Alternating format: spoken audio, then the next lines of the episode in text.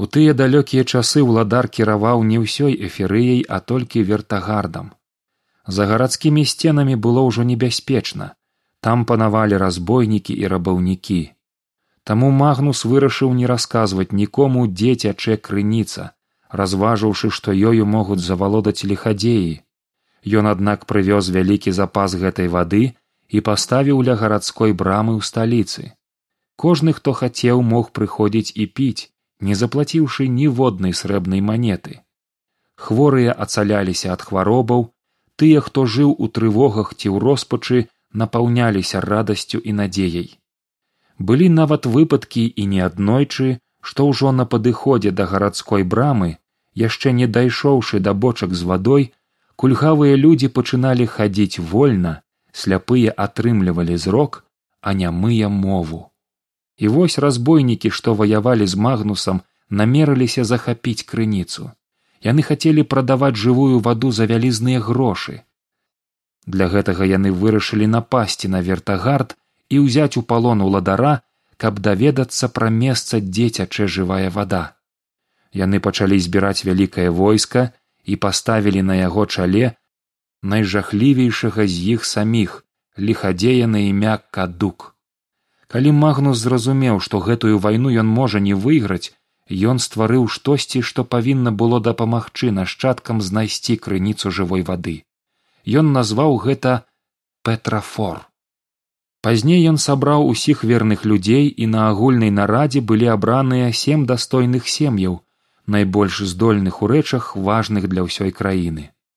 Кожнай сям'і магнус перадаў па каштоўным камяні і гэтыя сем камянёў былі ключом і разгадкай для петрафора. Вось пералік сем'яў захоўнікаў. Першыя захоўнікі яны мелі талент у розных навуках. Ім быў дадзены на захаванне чырвоны камень рубін. Другія захоўнікі мелі здольнасць навучаць іншых. Ім быў дадзены аранжавы камень гіяцынт. Трэція захоўнікі умелі зарабляць грошы каб ахвяроўваць на ўсякую добрую справу. Ім быў дадзены жоўты камень турмалін. Чацвёртыя захоўнікі мелі найбольшыя здольнасці ў мастацтвах. Ім быў дадзены зялёны камень смарагд. Пятыя захоўнікі умелі апісаць падзеі сведкам якіх былі і данесці нескажона ўсякую важную навіну. Ім быў дадзены блакітны камень тапаз. Шостыя захоўнікі мелі дзяржаўную мудрасць і разуменне ва ўладкаванні дзяржавы. Ім быў дадзены сіні камень сапфір. Тут язь адарваў вочы ад напісанага і паглядзеў на свайго спадарожніка. Шостыя захоўнікі? Так гэта мае продкі хлопец працягнуў чытанне. Сёмыя захоўнікі валодалі мудрасцю духоўнай ім быў дадзены фіялетавы камень аметыст. Усе гэтыя камяні былі ўзятыя першым уладаром магнусам з каралеўскай скарбніцы. Акрамя таго магнус папрасіў каб у выпадку калі ён загіне ў бітве з войскам кадука ніхто не шукаў крыніцы да часу пакуль вайна не скончыцца і разбойнікі не будуць пераможаныя. Толькі пасля гэтага можна будзе выкарыстаць петрафор і сем камянёў ды знайсці крыніцу ваду з крыніцы належала бясплатна раздаваць усім людзям якія яе патрабавалі. І ўсе яны выйшлі на бітву. Змаганне доўжылася цэлы дзень а ноччу магнус калі рыхтаваў план бітвы назаўтра ў сваім шатры быў забіты шпегамі. Ягонае войска адступіла да самага вертагарда. Разбойнікі ўзялі горад у аблогу але вертагард выстаяў. Быў абраны другі ўладар які працягнуў справу папярэдніка і войска разбойнікаў было адкінутае далёка ад межаў горада. Вялікая вайна з кадуком а потым і яго нашчадкамі працягнулася. Так нам распавядаюць старыя хронікі. Наступныя ўладары паспяхова супрацьстаялі ворагу. Акрамя таго раз за разам у навакольных гарадах што былі пад уладай разбойнікаў людзі падымалі паўстанні і далучаліся да ўладанняў эферыі пастаяннае змаганне з лихадзеямі і пабудова эферыі адбіралі шмат сілаў. І так доўжылася пакаленнямі. Толькі праз некалькі соцень гадоў ад разбойнікаў не засталося і следу. І эферыяй стала ўся нашая зямля. Вось жа калі наш уладар арыстарх знайшоў у хроніках усе гэтыя гісторыі ён зразумеў што пра існаванне петрафора ўсе забыліся. Памяць пра жывую ваду таксама засталася толькі ў легендах.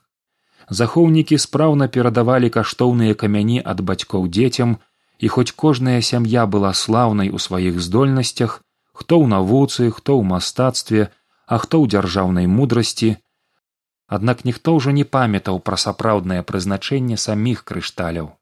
Убачыўшы ўсё гэта на зыходзе трэцяга года свайго панавання арыстарх запрасіў у замак сямярых захоўнікаў.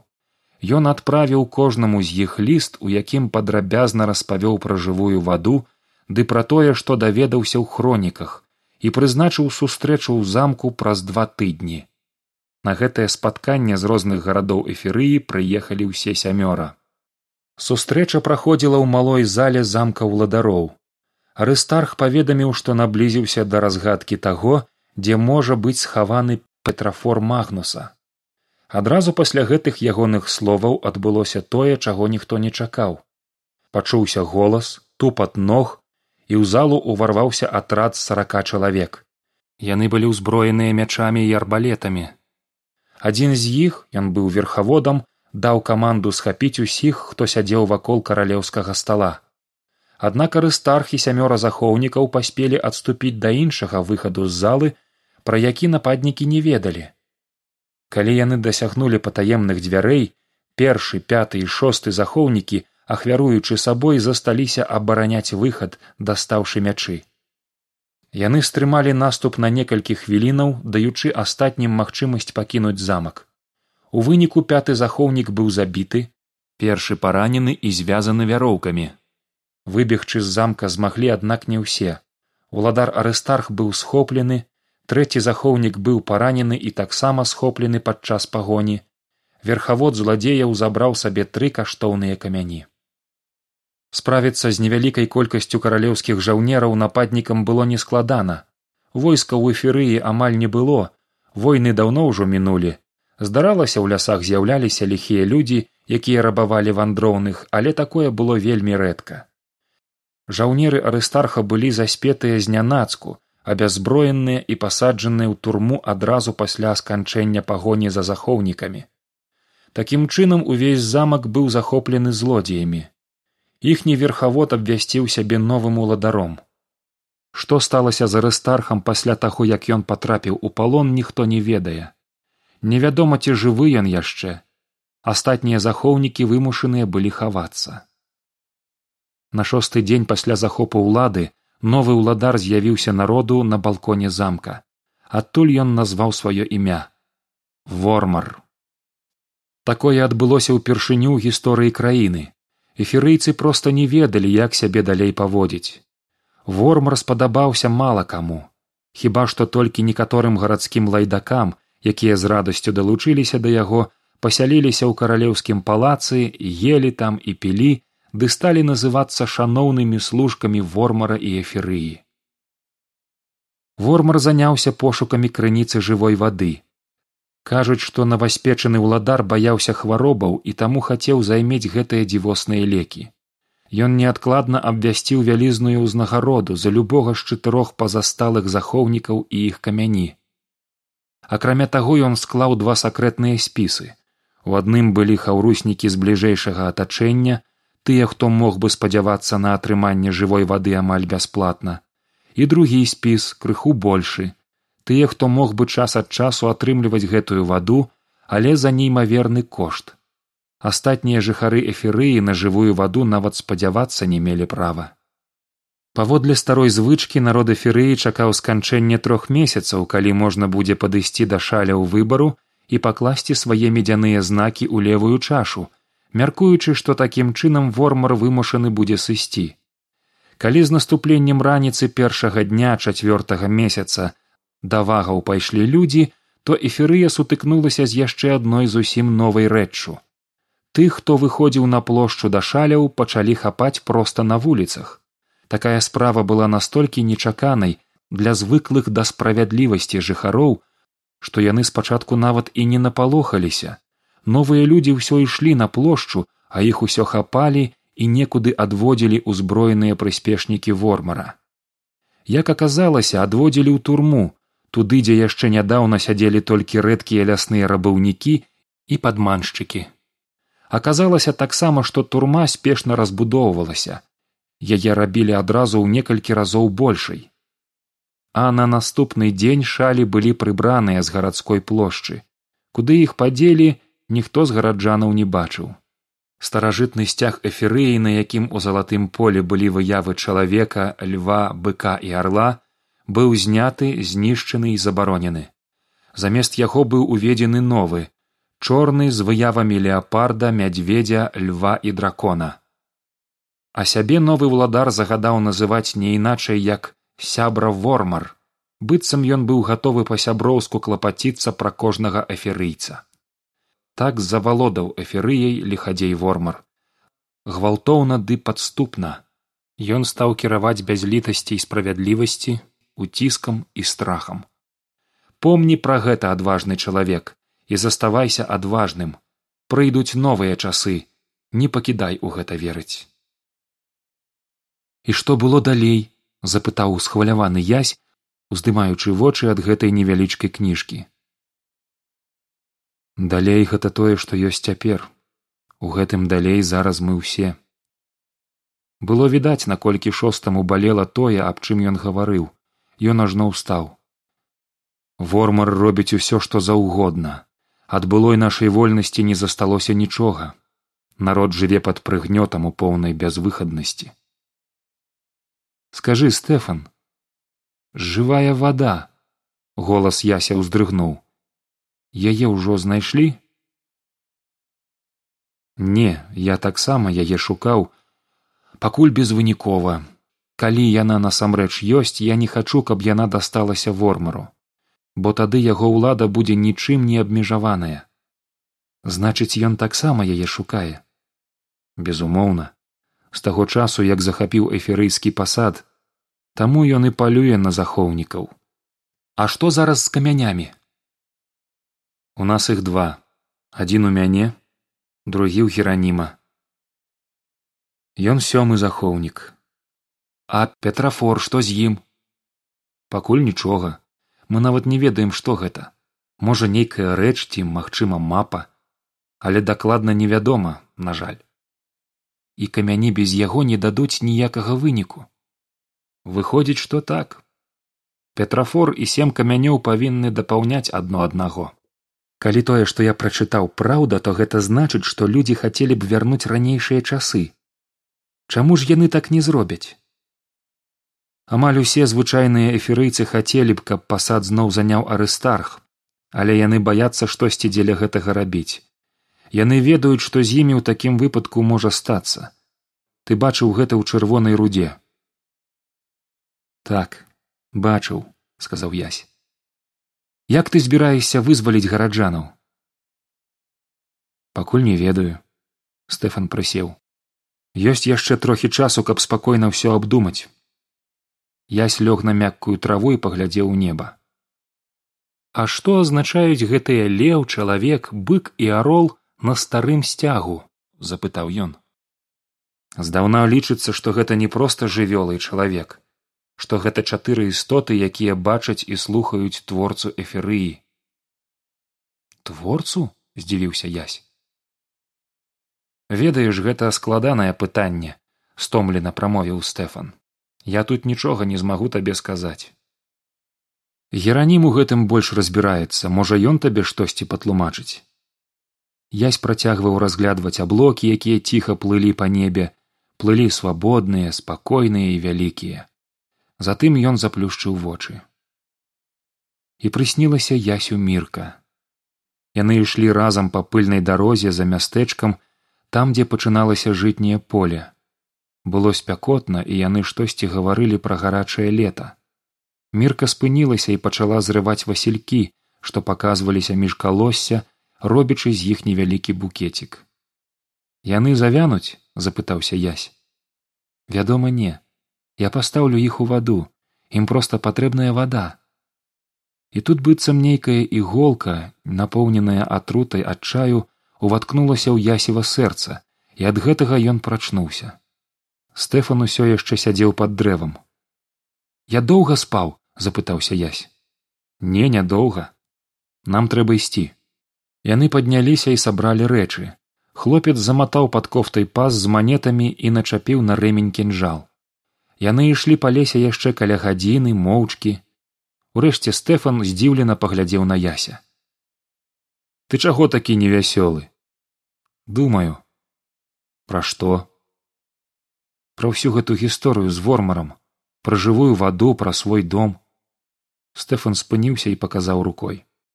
Вось і тракт. Табе па ім направа а мне проста праз яго ясь не адказаў я вельмі ўсцешаны працягнуў стэфан што мне давялося сустрэцца з табою. Тое што ты апынуўся ў эферыі інакш як цудам не назавеш. Ну што бывай. Стэфан падаў ясю руку але той вымавіў. Не стэфан я іду з табой шосты захоўнік застыў. Што ты кажаш? Я хачу ісці з табой мне патрэбная жывая вада. Калі ласка калі гэта магчыма стэфан апусціў руку. Паслухай ісці са мной небяспечна верагоднасць выбрацца жывым і здаровым малая. Яшчэ меншы шанец што мы калі небудзь зможам знайсці гэтую ваду ты ў яе не верыш? Я веру што яна была і хацеў бы каб з'явілася зноў але ў нас пакуль што няма ні сямі камянёў ні патрафора пакуль што? Значыць шанец усё такі ёсць стэфан пільна ўгледзеўся ў яся для чаго яна табе? Гэта не мне. Але калі яна сапраўды існуе яна вельмі патрэбная вельмі. Паслухай знайсці жывую ваду гэта канешне важная задача. Але самае галоўнае для нас тут гэта перамагчы вормара і вярнуць уладу арыстарху стэфан сур'ёзна паглядзеў хлопцу ў вочы. Не спяшайся. Падумай адказаць ясь не паспеў. Над левым яго плячом абдаўшы шыю рэзкім павевам з глухім гукам штосьці з усяго маху глыбока ўваткнулася ў камель дрэва. Рука стэфана схапіла яся прыгнула і бакавым зрокам хлопец паспеў заўважыць што ў дрэве тырчыць кароткі тонкі нож з чырвоным дзяржаннем. Бяжым пракрычаў стэфан і яны стрым галоў кінуліся наперад я збег не зважаючы на галіны дрэваў і кустоўя якія білі па твары. Спрабуючы не адстаць ад стэфана ён пераскокваў паваленыя ствалы. Яму стала страшна ад думкі што зараз ён можа зачапіцца за корань ці зламаць нагу патрапіўшы ў невідочную ў траве яму. На хвілю ён азірнуўся і праз недалёкі хмызняк убачыў што за імі бягуць пяцёра чалавек узброеных мячамі і кароткімі арбалетамі лес сканчваўся наперадзе быў тракт. За трактам мясцовасць рэзка ішла ў гору схіл быў скалісты без расліннасці але з безліччу расколінаў. Язь зразумеў што стэфан кіруецца менавіта туды. Яны выбеглі на пустую дарогу. Пераследнікі былі ўжо зусім блізка метрах у трыцаці ясю здавалася што зараз тыя могуць спыніцца прыцэліцца з арбалетаў і стрэліць у спіну але да скалаў удалося дабегчы раней чым хтосьці паспеў стрэліць. Стэфан заскочыў у адну з расколінаў паказваючы шлях ясю. Яны пачалі імкліва ўзбірацца наверх закрытыя ад жаўнераў вялізнымі каменнымі глыбамі. Стэфан упэўнена падымаўся ўсё далей і далей нейкай невідочнай сцяжынкай нават у тых месцах дзе здаецца і праходу быць не магло дзе трэба ён падаваў ясю руку падсаджваў яго і азіраўся каб разгледзець ці далёка ад іх нападнікі. Язь таксама глянуў уніз. Тыя крыху адсталі але ўпарта паўзлі наперад не збіраючыся ўпускаць сваю здабычу. Раптам стэфан вохнуў. Язь азірнуўся і з жахам пабачыў што той ляжыць на камянях. Яго нага была зашчэмленая ў вузкай расколіне. Я скінуўся да яго. Я дапамагу паспрабуй сам я не дацягнуся ты патрапіў у невялікую шчыліну так тут з аднаго боку камень паддаецца ў ім трэшчына зараз язь учапіўся пальцамі за вострыя краі камянёў і пачаў цягнуць на сябе, але пальцы сарваліся і парэзаліся, пырснула кроў. Тады язь дастаў свой кінжал і паспрабаваў уставіць яго ў трэшчыну. Але кінжал быў завялікі, ён не падлазіў пад вялізную глыбу, якая была якраз над расколінай. Язь бездапаможна азіраўся па баках. Здаецца, мне не выбрацца адсюль. Голас стэфана быў поўны крыўды і безвыходнасці. Ён расшпіліў каўнер кашулі і сарваў шыі невялікі раменьчык на раменьчыку ў простай срэбнай аправе зіхацеў неймавернай прыгажосці празрыста сіні крышталь трымай яго гэта сапфір адзін з тых сямі камянёў. А зараз бяжы адсюль хутка хавайся. Потым калі ўсё скончыцца пойдзеш па дарозе ў вертагард. Перадасі гераніму. Ён будзе ведаць што рабіць. Язь паклаў крышталь у кішэню і ў гэты ж момант заўважыў нападнікаў. Яны стаялі ніжэй па схіле і цэліліся з арбалетаў.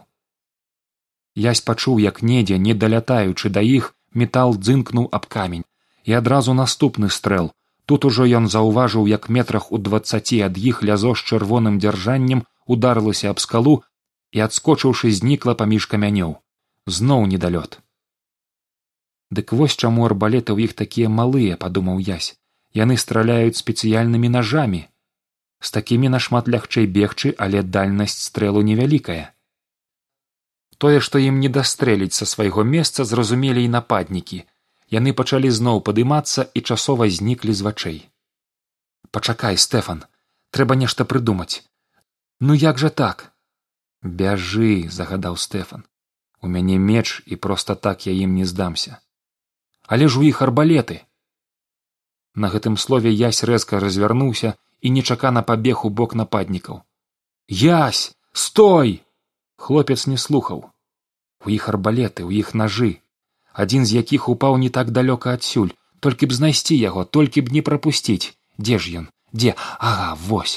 Як жа разумна з іх боку было аздобіць яго яркім чырвоным дзяржаннем. Я схіліўся і выцягнуў нож з пад каменя.